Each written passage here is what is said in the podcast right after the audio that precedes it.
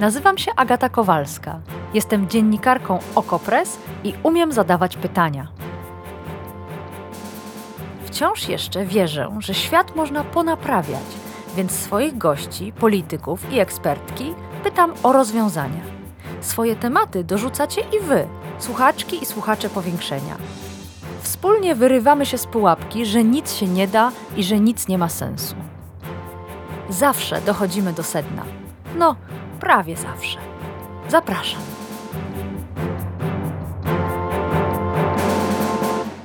Dzisiaj w powiększeniu spróbujemy ustalić, jak opozycja ma wygrać wybory parlamentarne z prawem i sprawiedliwością. Wydaje się, że niemal każdy w Polsce ma jakąś opinię na ten temat, jakiś pomysł.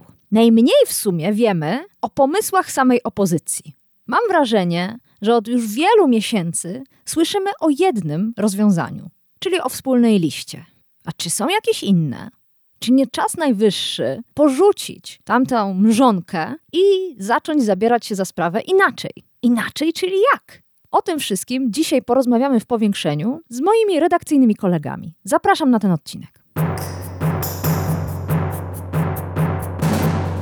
A dyskutować będą Piotr Pacewicz, naczelny Okopres. Dzień dobry Piotrze. Dzień dobry, witam. I Michał Danielewski, wicenaczelny Okopres. Dzień dobry Michale. Dzień dobry. Zacznijmy więc od jednej listy, która dominowała w dyskusji wokół, wokół wyborczej.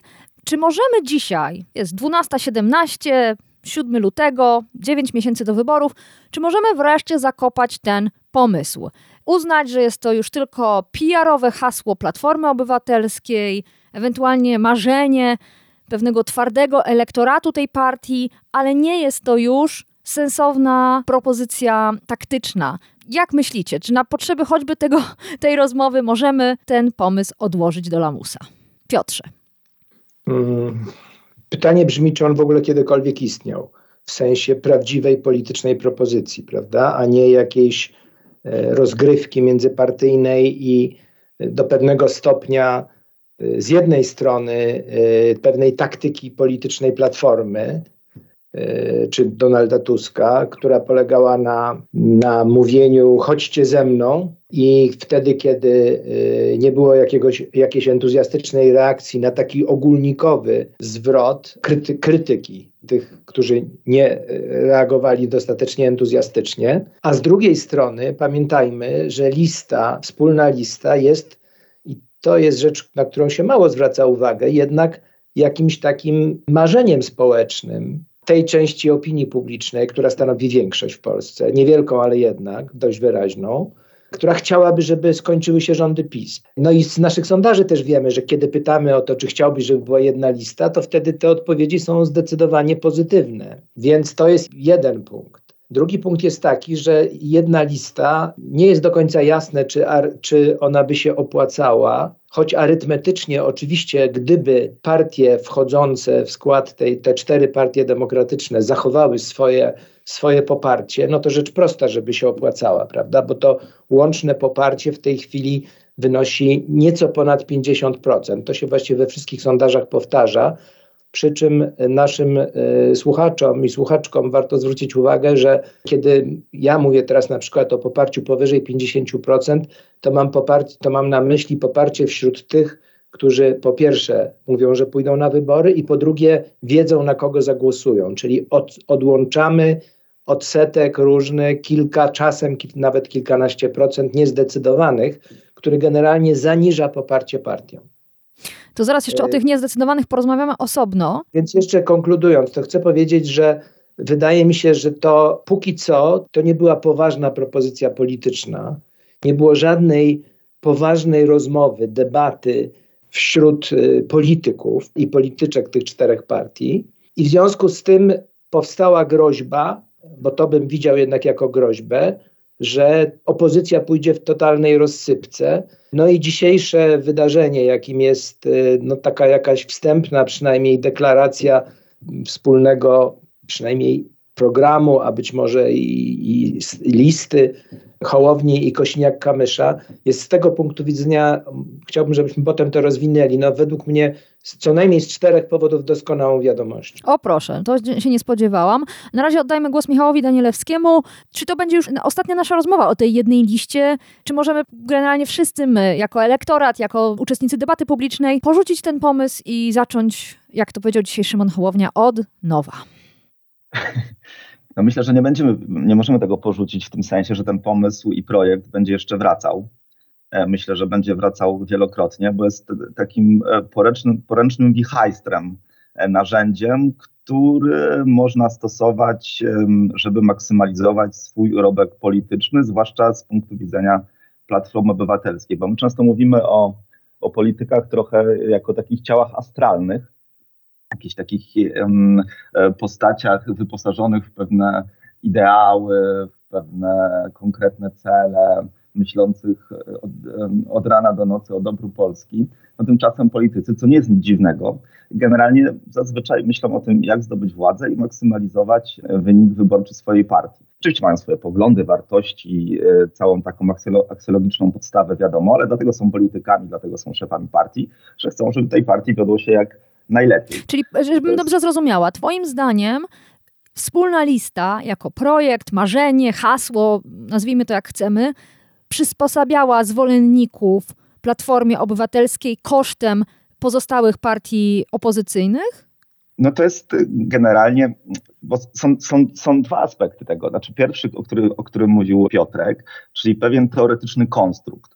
Teoretyczny konstrukt w sposób oczywisty ma wiele zalet i prawdopodobnie by się opłacał. Tak? Znaczy my pierwszy, pierwszy sondaż o wspólnej liście po wyborach w 2019 roku zrobiliśmy jako OKO.press, Ipsos dla nas zrobił w lutym 2021 e, e, roku wtedy ta jedna lista w naszym sondażu zdobyła aż 57% poparcia i mniej więcej, e, bo to zawsze jest e, trudny szacunek przy takich bytach, od 270 do 280 mandatów w Sejmie. Czyli był to jakby taki mm, znak, że ta lista ma ogromny potencjał. Oczywiście to był specyficzny czas, bo to był czas zaraz po protestach ogromnych społecznych przeciwko mm, zaostrzeniu ustawy antyaborcyjnej. To był czas, kiedy PiS e, mm, zleciał w sondażach na, na łeb na szyję. Miał taki chyba jeden z, naj, z najpotężniejszych dołków sondażowych od 2015 roku.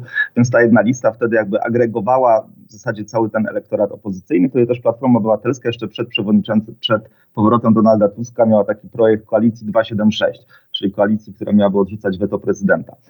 No i oczywiście ten projekt teoretyczny jest świetny, ale trudniej go, trudniej go przeprowadzić w praktyce, on ma różne zagrożenia. No, jest to symptomatyczne, że od tamtego czasu, czyli od lutego 2021 roku, minęło dwa lata. W sprawie jednej listy nie zadziało się tak naprawdę w praktyce nic. No, bo jej konstruowanie jest bardzo trudne i generalnie rodzi też wiele zagrożeń. Na przykład pompuje konfederację, w jakimś sensie przynajmniej alienuje część wyborców obozu demokratycznego. Większość, i to duża, przygniatająca większość, e, to co powiedział Piotrek, jest za taką wspólną listą, ale jest też część, której nie można lekceważyć, która jest do tej jednej listy sceptyczna. Pytanie, jaka to byłaby część, jakby się zachowała w, przy urnie wyborczej. No, do jednej listy trzeba zrobić różne ustalenia, trzeba podzielić miejsca na listach, nomen omen, trzeba rozdzielić pieniądze, trzeba zrobić mnóstwo, mnóstwo rzeczy, trzeba zrobić ustalenia programowe. To jest bardzo trudny proces. Trudno się dziwić, że on się nie dzieje. Natomiast na pewno wspólna lista pomaga polaryzować scenę polityczną, czyli ustawiać tą scenę polityczną na dwóch biegunach. Z jednej strony PiS, a z drugiej strony antyPiS. Siłą rzeczy Platforma Obywatelska czy Koalicja Obywatelska jako najsilniejsza partia po tej stronie antyPiS na takiej polaryzacji zyskuje. Więc to bardzo prosty mechanizm, że próbuje pchać narrację o wspólnej liście, no żeby tą polaryzację powiększać i jednocześnie przysparzać sobie poparcie, czyli okrajać z poparcia inne mm. partie opozycyjne i część tego poparcia przerzucać, przerzucać na siebie. Ale, ale, ale. ale. Myślę, że... Wczoraj wieczorem pojawiły się już pierwsze pogłoski po spotkaniu klubu Platformy Obywatelskiej i wygląda na to, że Donald Tusk też już zawiesił sprawę na kołku. Też już chyba ma dosyć. Przygotowujemy listy i ruszamy w teren, miał powiedzieć. Czy to nie jest najlepszy dowód na to, że to już jest koniec tych marzeń, koniec tego serialu, jak powiedział jeden z polityków? No być może, to jest, znaczy generalnie to powinien być koniec znaczy, tego serialu w takim sensie, że on powinien się skończyć jakimiś decyzjami. To znaczy, jeśli politycy chcą się dogadać, to niech się dogadają, a jeśli nie chcą lub nie potrafią się dogadać, niech to jasno y, ogłoszą, dlaczego nie chcą, jakie mają z tym problemy, jakie różnice. Mm, bo na razie to jest tak, że mm, PiS, mimo wszystkich swoich kłopotów, problemów e, i afer, które, które wciąż wypływają e, na światło dzienne, ostatnio Villa Plus, no to jednak próbuje y, tworzyć już swój przekaz na kampanię wyborczą taki przekaz o stabilności gospodarczej, o tym, że uda im się prawdopodobnie uwolnić środki europejskie, o tym, że dbają o bezpieczeństwo, że są takim gwarantem stabilizacji. I to jest jasny przekaz, który PiS ma na pierwsze miesiące kampanii wyborczej i sprzedaje to, sprzedaje to społeczeństwu. Konkret. Tymczasem opozycja cały czas sprzedaje mm, obywatelom imponderabilia. A no właśnie, a no właśnie. Przed, wartości. Przed, e, to jest oczywiście bardzo ważne, ale dalece chyba jednak niewystarczające. E, przed e, dosłownie paroma minutami skończyła się konferencja Szymona Hołowni i Władysława Kosiniaka-Kamysza i, i panowie nie ogłosili wspólnego startu, nie ogłosili wspólnych punktów programowych, ogłosili powołanie zespołów do przygotowania listy wspólnych postulatów. Zastanawiam się, jak to traktować, i dlaczego to tak wygląda? Dlaczego Prawo i Sprawiedliwość jest przygotowane, można wręcz podejrzewać, że mają już gotowe hasła na billboardy tuż, tuż przed wyborami, a panowie z dwóch ważnych ruchów politycznych ogłaszają powołanie zespołów, mm, ze składów tych zespołów nie ogłosili, tylko sam fakt powołania. Czy to jest nieudolność, czy jest w tym jakaś myśl? Piotrze, jak ty to oceniasz? Ja bym chciał najpierw powiedzieć o tym, dlaczego się tak ucieszyłem z, tej, y, z tego spotkania jeśli traktować no je oczywiście jako zapowiedź y, stworzenia jednej listy, prawda, czyli wspólnego startu w wyborach. Otóż y, no, ucieszyłem się z y, kilku powodów. Po pierwsze, dlatego, że mm, pierwsze, co oni powiedzieli, to, to, że trzeba pokazać program i skupić się na programie. I zaraz wrócę do Twojego pytania. Po drugie, dlatego, że y, połączenie Hołowni z PSL-em y, w odróżnieniu od coś, co już się pojawiło w spekulacjach, a nawet w sondażu Rzeczpospolitej, czyli połączenie koalicji obywatelskiej z PSL-em, czyli powrót do y, koalicji, która rządziła Polską przed PiSem, ma ogromną, ogromne zalety. To znaczy, po pierwsze, takie, że utrudni tę wojnę między koalicją, utrudniłoby powiedzmy, wojnę i atak koalicji obywatelskiej na Hołownię, czy też na Polskę 2050 i próbę zniszczenia tej partii, co już się zarysowało. Ta wojna między Hołownią a e, a Tuskiem byłaby moim zdaniem e, dla opozycji nieszczęście. A, a poczekaj, wytłumacz nam to. A dlaczego teraz ta wojna nie będzie toczona z Hołownią i Kosiniakiem Kamyszem. Czy teraz no na Kosiniaka Kamysza nie posypie się hejt i te wszystkie obrzydliwe y, gesty, słowa i tytuły prasowe? Nie sądzę, nie sądzę. Kosiniak Kamysz jest jednak politykiem z tej poprzedniej formacji. W związku z tym ten taki, ten taki prosty, y, bo to, bo to ma jeszcze drugą stronę, to również utrudni Hołowni tę narrację, która była taka dla y, koalicji obywatelskiej niebezpieczna gdzieś potencjalnie, mianowicie oni już rządzili, prawda? Czas na nowych, y, czas na przełamanie tego duopolu. No tak, Więc... ale przyznasz chyba, że jednak przede wszystkim śledziliśmy z mniejszym lub większym obrzydzeniem, w jaki sposób mm, zwolennicy Platformy, część polityków Platformy traktuje Szymona Hołownię. Teraz rozumiem, jest on pod pewnym ochronnym parasolem byłego tak, koalicjanta. Tak. Tak, oraz również musi sam zmienić narrację. No ten, tak jak ostatnio już Kobosko mówił, prawda, zupełnie otwartym tekstem, że no są te dwie siły właściwie symetrystycznie prawie, że tu jest PiS, tu jest e, koalicja, chcą nas zniszczyć i tak dalej, nie damy się. E, ale jest jeszcze kolejny powód, to znaczy taki, że to połączenie koalicji z PSL-em naprawdę groziło taką no, bardzo groźną duopolizacją ze wszystkimi tego negatywnymi konsekwencjami, na przykład takimi, że programowo to się by zupełnie rozmyło. Byłyby tylko hasła, czy jesteś za PiS, czy jesteś przeciw. Połączenie Hołowni z PSL-em daje pewną możliwość stworzenia jakiegoś no, w miarę cywilizowanego podziału na tej scenie politycznej i, jako, i na przykład ludzie, którzy są trochę bardziej konserwatywni, no mieliby, a są przeciwko PiSowi, mieliby na kogo głosować. Z drugiej strony koalicja obywatelska mogłaby bez tego PSL-u potencjalnie, prawda, no, bardziej pójść w stronę progresywną, zbliżając się do lewicy. Inna sprawa, na ile tu połączenie jest możliwe, raczej chyba nie.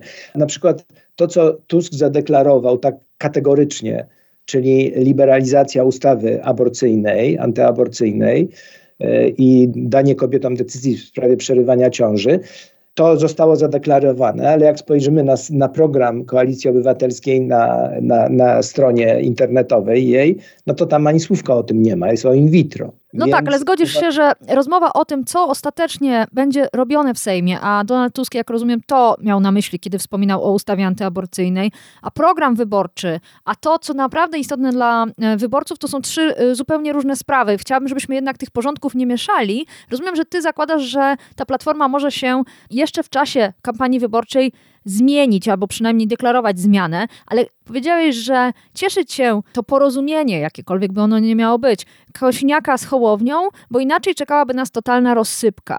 Oddałabym głos Michałowi Danielewskiemu.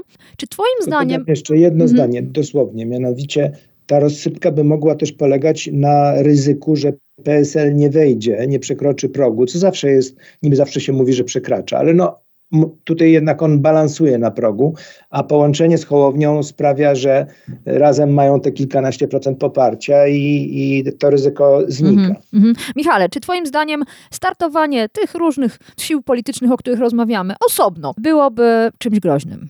ja bym zmienił to, zmienił to pytanie. To znaczy, na pewno jakiś Nie krępuj się.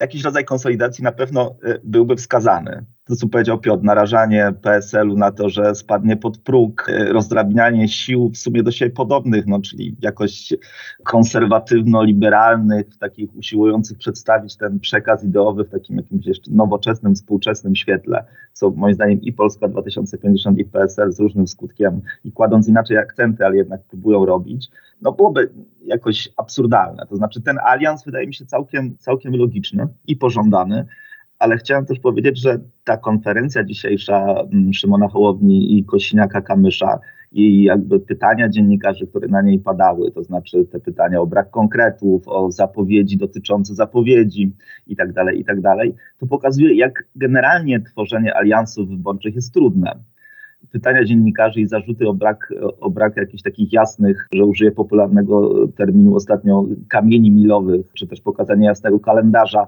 że no zdecydujemy na przykład, nie wiem, do końca lutego, czy idziemy e, razem do wyborów. To wszystko może irytować, ale jest też w jakimś sensie logiczne. To znaczy różne partie mają różne elektoraty, na przykład to, co wychodziło również z badań Ipsosa, Ipsosa dla OKO Press, dla nas. E, no, dużym, dużą w każdym razie istotną częścią elektoratu Szymona Hołowni jest tak zwany elektorat antysystemowy, czyli w jakimś sensie mający mm, dosyć niesprecyzowane poglądy, czasami nawet bliskie Konfederacji. No generalnie taki elektorat, który kiedyś głosował na Kukiza, kiedyś też głosował na Konfederację, osób, które generalnie mają negatywny, negatywny stosunek do polityki i szukają czegoś nowego. Myślę, że to jest jakieś jedna piąta wyborców Hołowni mniej więcej ma taki, ma, taki, ma taki rys. No i teraz sojusz Szymona Hołowni z PSL-em, z najstarszą partią polityczną w Polsce, partią, która była w wielu rządach od 1989 roku, partią, która ma wizerunek taki właśnie najbardziej establishmentowego w zasadzie ugrupowania na polskiej scenie. Kiedyś się mówiło, że, że każde wybory to są wybory koalicjanta PSL. Nie wiem, czy pamiętacie taki bon mot no to jest trudne przekonać tych ludzi, tych antysystemowców do tego, że o teraz ja idę z PSL-em do wyborów, ale nie odchodźcie ode mnie. Nie odchodźcie na przykład do Konfederacji z powrotem albo nie zostańcie w domu.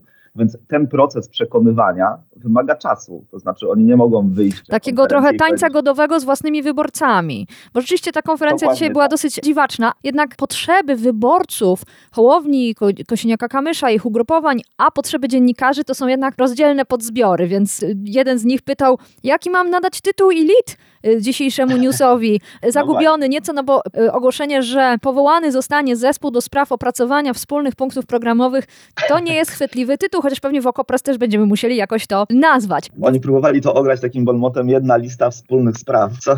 No ale nie ma jeszcze tej jednej listy. Nawet nie wiemy, czy powstanie jedna lista i co to za sprawy. A czy waszym zdaniem e, to w ogóle jest istotne? To znaczy, rozumiem, że jedna lista, czy wspólny zespół, potem dogadywanie się, co kogo interesuje, kto co popiera, może być elementem tego tańca godowego i jednocześnie jakiegoś tam zacieśnienia więzi, ale na ile waszym zdaniem w tych wyborach istotne będzie to, co kto oferuje wyborcom i wyborczyniom, jakie obietnice, jakie pomysły, jakie projekty. Ja zapytałam o to słuchaczki i słuchaczy powiększenia na Twitterze, to znaczy nie zapytałam o to, co ich interesuje, zapytałam, jak wygrać z PiSem.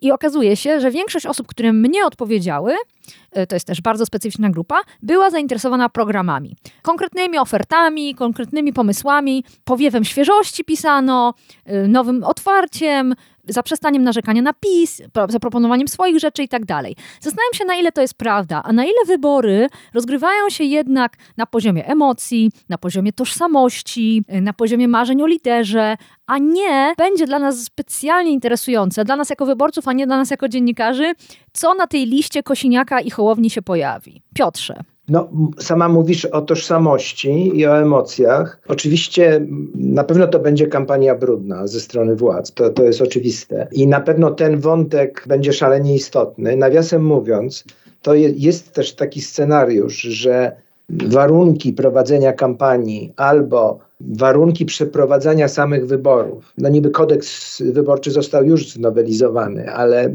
jeszcze są różne niuanse tutaj możliwe sprawią, że ci politycy opozycji po prostu nie będą mieli innego wyjścia, jak y, zewrzeć szeregi. To się może wydarzyć, moim zdaniem. Nie jest bardzo prawdopodobne, ale można sobie taką, tak, takie coś wyobrazić.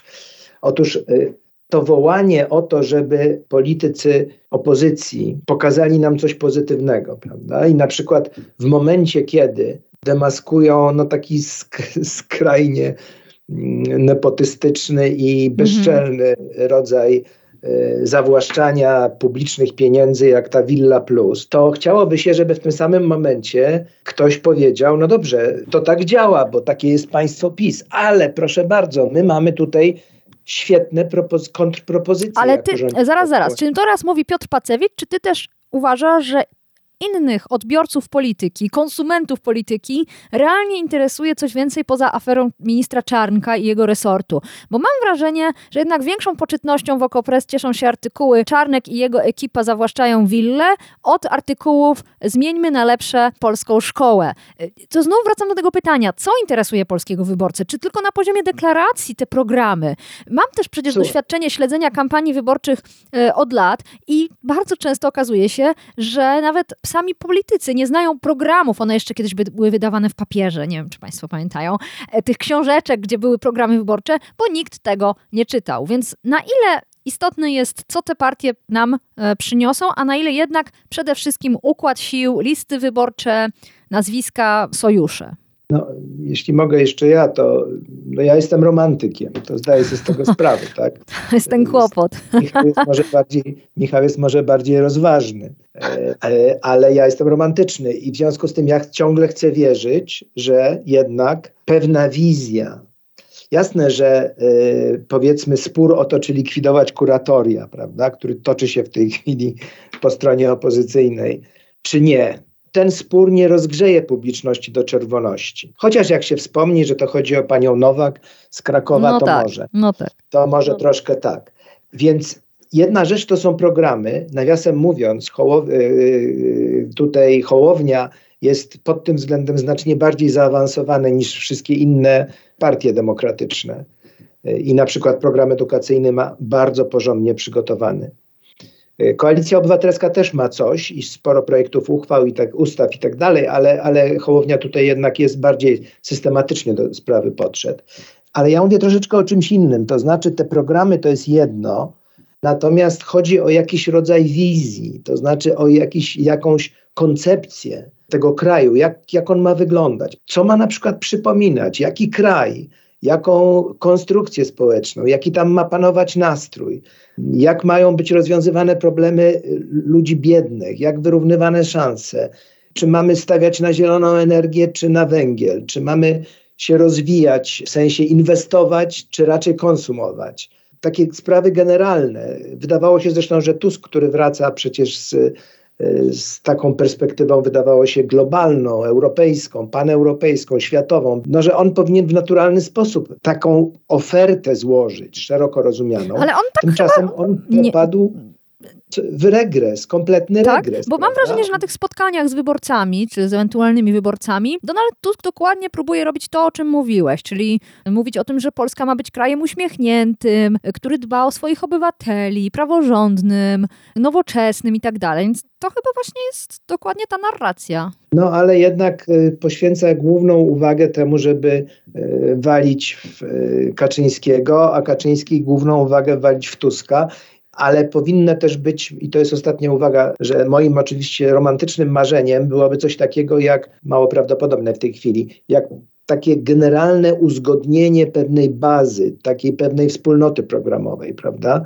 To, co nastąpiło w sprawie samorządności między tymi czterema partiami, to, o co zabiegają organizacje społeczne, żeby nastąpiło w sprawie tak zwanego paktu dla edukacji, to, co być może jest możliwe w obszarze energetyki, przywracania praworządności, mediów publicznych, żeby kilka tych sfer, żeby tak powiedzieli, no chcemy razem rządzić, mm. będziemy razem rządzić, tak? Różnimy się poglądami, będziemy się spierać, kłócić, głosujcie na tych, co wam bardziej pasują, ale pewne rzeczy zapowiadamy mm. jako wspólny program przyszłego rządu. No to y, przekładając to na praktykę, y, to pewnie przez następne dwa miesiące ustalano by kandydatów na kandydatów do zespołów, które miałyby nad tym pracować, więc nie wiem, czy do wyborów by się ale uwinęli. Chyba... Ale właśnie, Michał Danielewski czeka na głos. Co sądzisz o projektach, y, o, widzicie, projektach programów? No właśnie, już zaczynam sama mówić tym językiem.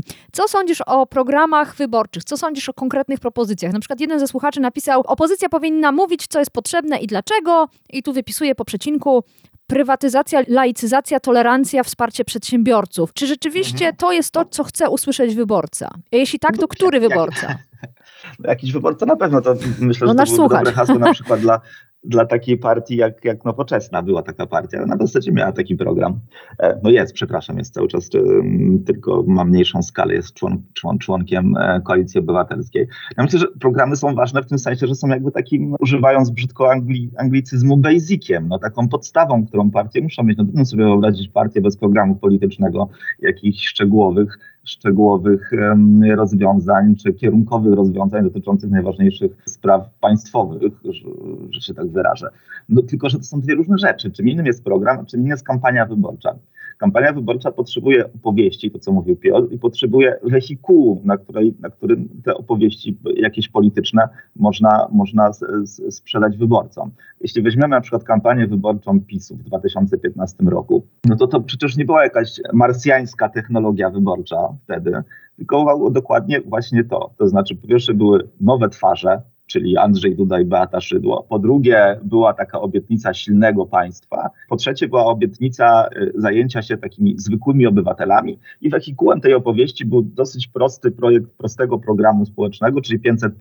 I już tam więcej. Dobra zmiana, prawda? Plus hasło dobra zmiana. Tak, tak, tak. tak, tak. No i i generalnie to zadziałało. To nie znaczy, że to trzeba kopiować albo zrobić dokładnie to samo, albo że opozycja może musi mieć swoje 500, plus, o czym, o czym mówiło się przez lata, zupełnie moim zdaniem e, e, bez sensu, bo po prostu taka prosta kopia nigdy nie wyjdzie. Ale opozycja powinna mieć jakąś opowieść o świecie, to co mówi Piotr. No to muszą być jakieś trzy, cztery konkrety kierunkowe, które by jakby opowiedziały nam, e, znaczy nam jak nam, wyborcom, a zwłaszcza tym wyborcom, którzy jakby są jeszcze cały czas wahającymi się wyborcami, jaka ta Polska będzie, oprócz tego, że nie będzie nią rządził PiS. Bo na razie mam wrażenie, że opozycja próbuje po prostu wozić e, drewno do lasu i to całkiem nieskutecznie. To znaczy sprzedaje cały czas tę samą opowieść tym samym wyborcom, którzy są już, dali Bóg, przekonani do tego, że chcą na tą opozycję głosować.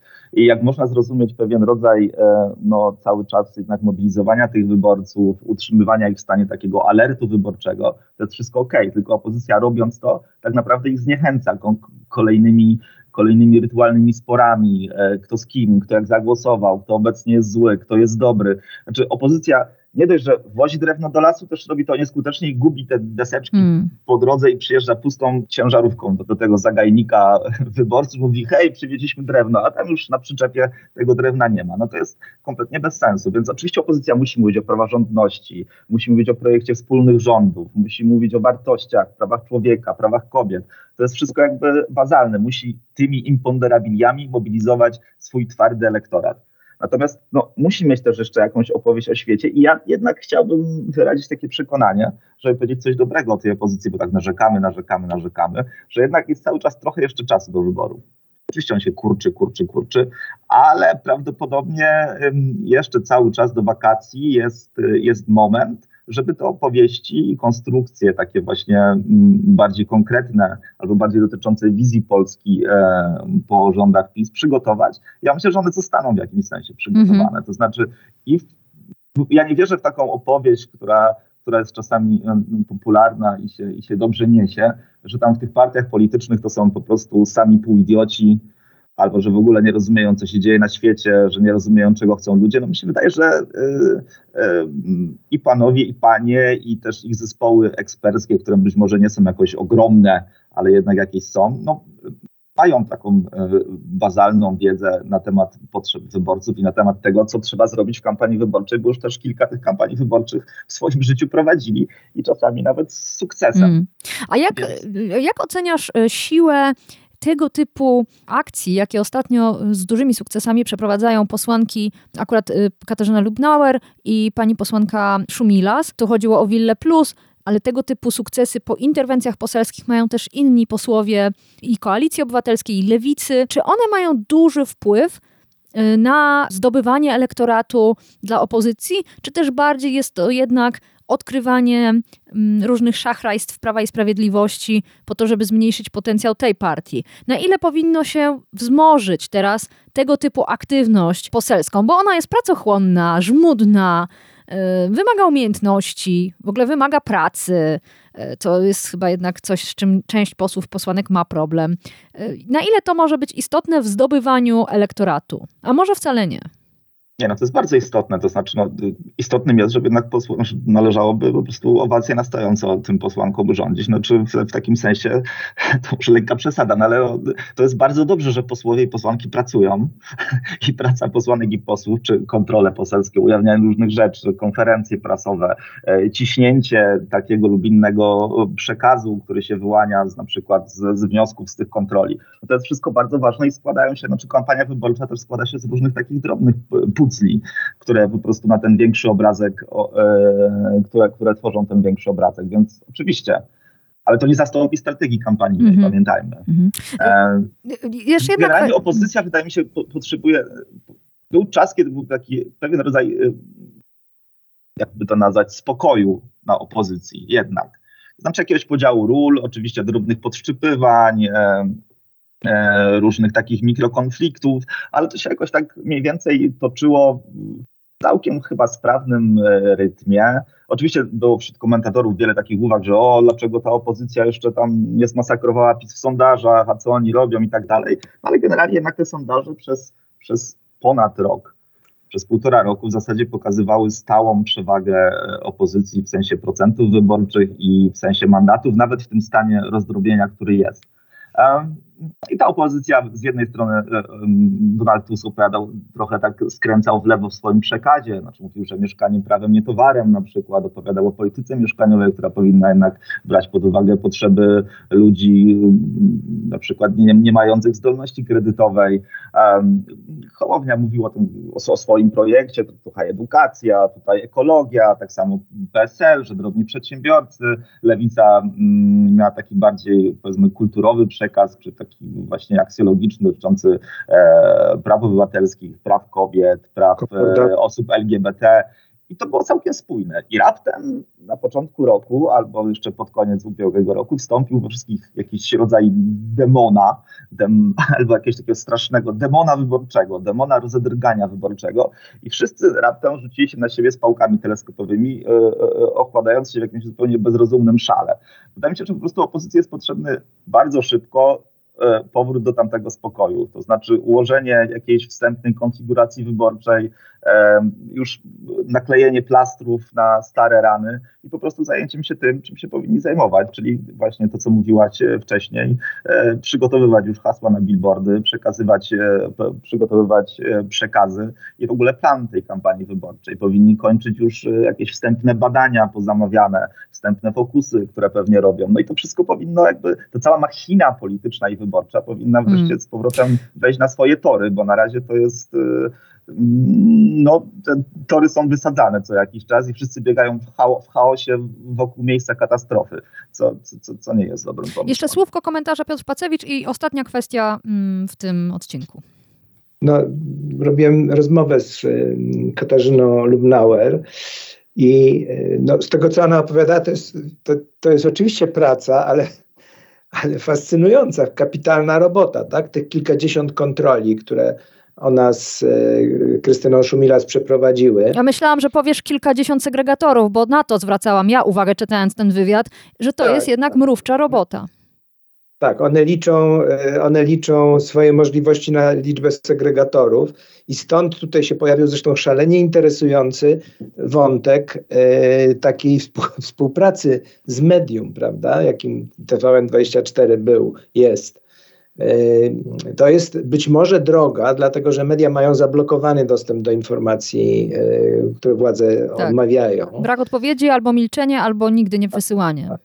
I, a to wydaje się, no póki co, to w, wydaje mi się niemożliwe, żeby to się utrzymało w, takiej, e, w takim stanie jak w tej chwili, ale te różne inicjatywy e, właśnie, czy to z Koalicji Obywatelskiej, czy, czy Pauliny Henik-Kloski, czy, czy posłanek Lewicy i tak dalej, no pokazują, że można tam wyszarpnąć i że takie narzędzie kontroli demokratycznej naprawdę bardzo dobrze działa i tak naprawdę aż by się chciało, żeby różne media, na przykład również Okopres, we współpracy z jakimś konkretnym politykiem, dobierało się do różnych tego rodzaju szachrajstw i, i ten. Natomiast wracając do głównego nurtu, no to ja myślę, że Michał, y, ja się mimo swego romantyzmu całkowicie zgadzam z tą, y, z tą rozważną Michała diagnozą. E, I wydaje mi się, że czyli taką, żeby po prostu uspokoić narrację, przestać się kłócić. Powtarzam, im bardziej to będzie szło w stronę duopolu, tym to będzie gorzej. E, no tak, Kosi bardziej... Władysław Kosiniak-Kamysz dzisiaj na konferencji powtórzył chyba trzy razy, nie ma wroga wśród ugrupowań demokratycznych. To na no pewno no jest y, myśl, z którą moglibyśmy się zgodzić. Pytanie, czy Platforma Obywatelska jednak wciąż nie zyskuje na tak. tym, na tym konflikcie. Y, no, no ale to jest pyrrusowe zwycięstwo. Nawet jeżeli zabierze jeszcze dwa, trzy punkty y, Hołowni, powiedzmy, to, to to jest absolutnie pyrrusowe zwycięstwo, ponieważ według mnie taką siłą, która może doprowadzić do tego, że, że wygramy wybory z PiSem, mówię my, społeczeństwo demokratyczne, obywatelskie i tak dalej, co wcale nie jest przesądzone mimo tych dobrych sondaży, musi być taka uogólniona nadzieja i wiara, że te różne partie, na które będziemy chcieli głosować, oby nie cztery, ale trzy, bo raczej pewnie z dwiema się nie uda, e, że one są połączone pewną wizją dobrej, lepszej Polski, gdzie, i tu rzucam takie hasła, do, które może byłyby do wykorzystania, gdzie kobiety, to jest w ogóle gigantyczny elektorat, także starsze kobiety, e, seniorki w odróżnieniu od seniorów, o których cały czas mówi PiS, e, gdzie kobiety mają swoje miejsce, swoje prawa e, i, i lepszą sytuację niż mają w tej chwili, gdzie otwieramy się na Europę, a nie zamykamy przed nią w jakichś XIX często wiecznych e, fantazmatach narodowo-patriotyczno-kościelnych, gdzie właśnie rola Kościoła zostaje dobrze zdefiniowana. Przecież o tym mówi też i Hołownia, i wszyscy o tym mówią w tej chwili, prawda? gdzie wreszcie e, rozwój kraju postępuje, ale nie kosztem obywateli, ale postępuje, inwestujemy. Próbujemy rzeczywiście rozkręcić różne nowoczesne obszary życia społecznego i gospodarczego. I gdyby taką, taka, taki, a jednocześnie nie rozkradamy państwa. O. I, I gdyby taki kapelusz, taką, taką taką czapkę aksjologiczną udało się nałożyć na, na, na te różne propozycje bardziej konkretne i często nawet sprzeczne między sobą, rywalizujące partii politycznych, to, to będzie sukces. Natomiast jeżeli będzie taki przekaz, że trzeba zniszczyć kolegę czy koleżankę z, z, z, prawda, z, po stronie demokratycznej, to to zdemobilizuje wyborców. To znaczy, ja powiem od siebie. Ja na przykład, gdyby, gdyby było tak, że jest z jednej strony PiS, a z drugiej strony potężna y, koalicja obywatelska i, i, jakieś delikatne resztki zniszczonych pozostałych ugrupowań, to ja oczywiście pójdę na takie wybory i będę głosował, ale zrobię to tak jak Gowin kiedyś, tak? To znaczy bez przyjemności, co oznacza, że ludzie mniej zmotywowani po prostu nie pójdą i nie zagłosują. Hmm. Stracimy No tak, ale to więcej, bo to oczywiście jest też kwestia wiarygodności partii, która zajmuje się w kampanii wyborczej niszczeniem przeciwników, którzy są tak naprawdę po tej samej stronie barykady. I pytanie wtedy brzmi, o co oni walczą? O, choć, o stołki, ja o mandaty tutaj... frukta, czy o lepszy kraj? Choć ja bym tutaj jednak trochę, bo też nie płaczmy już tak nad tymi mniejszymi partiami. No, e, to naprawdę, to, że to nie jest tak, że przyszedł, już nie chcę tutaj wpadać w ryzykowne metafory, więc powiem tak, że, że przyszedł tu jakiś o, o, okropny hegemon i po prostu okłada bezbronnych, bezbronnych chłopców i bezbronne dziewczynki. No niech oni też, niech walczą o swoje, niech po prostu nie, nie, nie, nie płaczą cicho w kąciku, no tylko po prostu kombinują, jak na tej scenie politycznej przetrwać, co oczywiście nie jest łatwe, ale już tak po prostu nie żałujmy ich tak bardzo, że ta straszna koalicja obywatelska takich okłada. No, jest największą partią. Zdecydowanie ma, to jest prawda, że ma poparcie równe sum, sumowanemu poparciu trzech mniejszych ugrupowań po stronie e, opozycji demokratycznej, czyli Polski 2050, Lewicy i, i PSL-u. No i to są wszystko fakty, a jeśli ta mniejsze podmioty y, chcą jakby tutaj rywalizować na równych prawach, no to niech jakby stają do boju i niech coś wymyślają. I w tym sensie no tak, dzisiejsza konferencja no tak. Hołowni no, jest taką... Mysza jest. No dobrze, słuchajcie, bo moglibyśmy o tej platformie rozmawiać w nieskończoność, bo to rzeczywiście jest bardzo ponętny temat, ale już naprawdę musimy kończyć, a mnie jeszcze ciekawi jedna kwestia. Ostatnio Donald Tusk próbował zażartować, że trzecią największą siłą w tych wyborach będzie partia Nie wiem i zastanawiam się, po pierwsze, czy rzeczywiście trzecią, jak to jest w sondażach, które Okopres regularnie zamawia, a po drugie, jakie z tego wnioski dla partii opozycyjnych? Kto się tam mieści w tym nie wiem, ile tam jest do zdobycia? Już Piotrze, wspominałeś o kobietach. Kogo tam jeszcze identyfikujecie? Gdybyście mogli krótko jeszcze na ten temat. Generalnie, jeśli sondaż ma dużą grupę osób, które nie wiedzą, na kogo zagłosować, to nie jest to nie świadczy dobrze o, o sondażu. E, w sondażu Ipsosa ta grupa jest zazwyczaj mała. To jest zazwyczaj e, e, kilka procent wyborców, którzy jednocześnie mówią, że pójdą głosować, ale jeszcze nie wiedzą na kogo. Z sondażu, gdzie te grupy są większe, to znaczy na przykład z sondażów CEBOS, gdzie no to jakichś astronomicznych Mm, poziomu sięgają, sięga grupa niezdecydowanych, nawet 20%, no to wynikałoby, że to są raczej osoby sympatyzujące z opozycją. Ale z drugiej strony to jest trochę tak, że w sondażu CEBOS w ogóle osoby sympatyzujące z opozycją mogą mieć problem z deklarowaniem własnych preferencji, w związku z tym dlatego wpadają w grupę niezdecydowanych. Więc generalnie krótka historia jest taka, trudno powiedzieć. Prawdopodobnie raczej to jest rezerwuar osób y, raczej sympatyzujących z opozycją niż z PiSem, ale nie sądzę, żeby to była, żeby to była jakaś generalnie jakościowa różnica między tym, co obserwujemy, w sensie proporcji, między tym, co obserwujemy po prostu w sondażach preferencji partii. Mm. Piotrze? Kilka słów na temat e, partii Nie Wiem. To tak, y, rzeczywiście około tak u nas w Ipsosie to jest około 8 do 8% tych niezdecydowanych co pamiętajmy, e, sprawia, że poparcie dla tych największych partii, które jest zmierzone, prawda, de facto jest większe o dwa albo nawet trzy punkty procentowe. To jest jedna rzecz. Po drugie, jeżeli próbowaliśmy, to zresztą pamiętam, że to Michała był pomysł, żeby wymusić odpowiedzi, prawda, na, na osobach badanych, które mówiły, że nie pójdą do wyborów, czyli tam mniej więcej jedna trzecia u nas deklaruje, że nie pójdzie. I na przykład pytać ich tak chytrze, no dobrze, no powiedział pan, że nie pójdzie, czy pani, ale gdyby ktoś znajomy poprosił o radę, to którą partię mm -hmm. by pan... Mm -hmm polecił. Nie?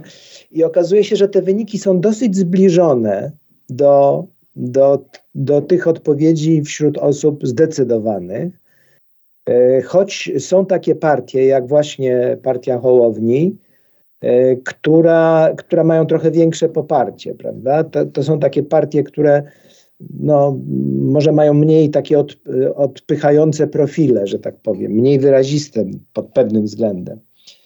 E, natomiast jeżeli chodzi o te grupy do wzięcia, no to wydaje się, że ten rozkład jest taki bardzo sztywny, to znaczy, że i to jest, że to jest czysto klasowo generacyjno, generacyjny podział w Polsce, prawda? Na tę Polskę y, ludzi niewykształconych, starszych, z mniejszych miejscowości, a przede wszystkim na wsi i biednych ciągle jeszcze, to znaczy tutaj mimo wszystkich trudności gospodarczych ciągle, ciągle ludzie biedni y, są w grupie w elektoracie PiS. No i ten elektorat inteligencko-wielkomiejsko E, zamożniejszy mm, w, i wykształcony przede wszystkim w, na, na korzyść opozycji. Tutaj w zasadzie wszystkie partie opozycyjne w najmniejszym stopniu e, PSL, ale on jest zawsze bardzo mały, więc trudno tak to przesądzić, mają właściwie taki dość, dość podobny profil. E, więc w związku z tym no, wydaje się, że jeżeli opozycja miałaby gdzieś szukać to no, taka ogólna recepta byłaby taka pewnie, żeby utwierdzać i mobilizować e, ludzi młodszych, a to w Polsce w naszych sondażach przynajmniej oznacza ludzi przed pięćdziesiątką, e, i pokazywać im na różne sposoby, a zwłaszcza tym najmłodszym, takie perspektywy, które ich będą zaciekawiały, porywały, ciekawiły, skłaniały do tego, żeby poprzeć opozycję.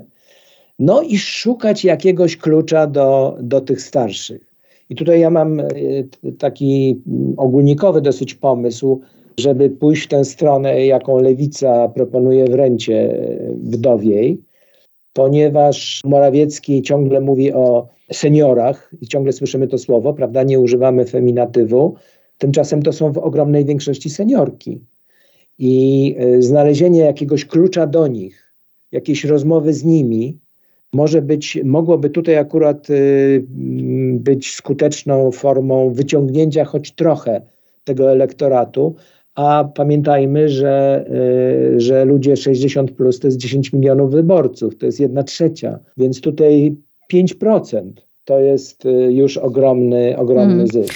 No i świetnie. I kończymy właściwie bardzo konkretną propozycją. Jeszcze, jeszcze jeśli można, bo to a propos też dzisiejszego, dzisiejszego wystąpienia Kośniak-Kamysza i Szymona Hołowni. Szymon Hołownia w wyborach prezydenckich bardzo dobrze wypadał w średnich miastach w pierwszej turze wyborów i generalnie małe i średnie miasta to też jest no, taki silny punkt PSL-u i zarazem też takie dosyć, przynajmniej w ostatnich e, wyborach, miejsca, które są twierdzami PiSu. Natomiast generalnie mobilizacja, pokazywanie jakichś takich szans rozwojowych, modernizacyjnych, aspiracyjnych dla ludzi z, z, małych i średnich miast, gdyby była taka siła polityczna po stronie opozycyjnej i gdyby potrafiła to zrobić um, taka koalicja Polski 2050 i PSL-u, to mogłaby być duża zmiana na korzyść opozycji i taki języczek uwagi, który by przechylał te mandatową, mandatową bitwę na, na stronę właśnie hmm. partii opozycyjnych. To jest, wydaje mi się, bardzo ważny element tej całej wyborczej układanki. No i świetnie, rozpoczęliśmy zatem tę dyskusję. Kolejne odcinki na temat kampanii wyborczej, przyjmowanych strategii, taktyk, y, wpadek i zapowiedzi wkrótce. A ja już dziękuję moim gościom Piotr Pacewicz, redaktor naczelny Okopres i Michał Danielewski, wicenaczelny Okopres. Bardzo Wam dziękuję za tą dyskusję. I Wam dziękuję za wysłuchanie tego odcinka powiększenia i mam nadzieję za początek tej dyskusji kampanijnej. Po pierwsze, ciekawi mnie, co myślicie. Czy jest coś, co opozycja mogłaby zrobić, żeby wygrać te wybory i chociaż na jakiś czas uwolnić nas od partii, która łamie reguły gry, która najwyraźniej nie do końca wierzy w demokratyczne państwo prawa? Piszcie, co sądzicie. I napiszcie też, czy uważacie, że to dobry pomysł, żeby w powiększeniu zaczęli pojawiać się politycy w roli polityków przed kampanią, w trakcie kampanii, przed wyborami. Jeśli uważacie, że to dobry pomysł, to napiszcie też, kto waszym zdaniem koniecznie powinien się pojawić w naszym podcaście. Z kim powinnam porozmawiać. A jak macie jeszcze więcej pomysłów, to napiszcie o czym. O jaki temat tak naprawdę powinno się pytać polityków przed wyborami. Wszystkie te głosy szalenie mnie ciekawią, więc zapraszam. Adres mail zaraz padnie. Zawsze też można mnie złapać na Twitterze. Do usłyszenia, do kolejnego odcinka.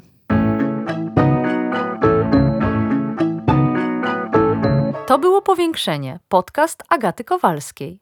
Produkcja Bartosz Weber. Powiększenie znajdziesz na stronie Okopres i w Twojej ulubionej aplikacji do podcastów. Masz pomysł na temat albo komentarz? Napisz do mnie agata.kowalska małpaoko.press. Stałych darczyńców zapraszamy na grupę Okopres na Facebooku Twoja okolica. Tam też toczymy dyskusje o świecie i o podcaście. Dziękujemy za Wasze wsparcie.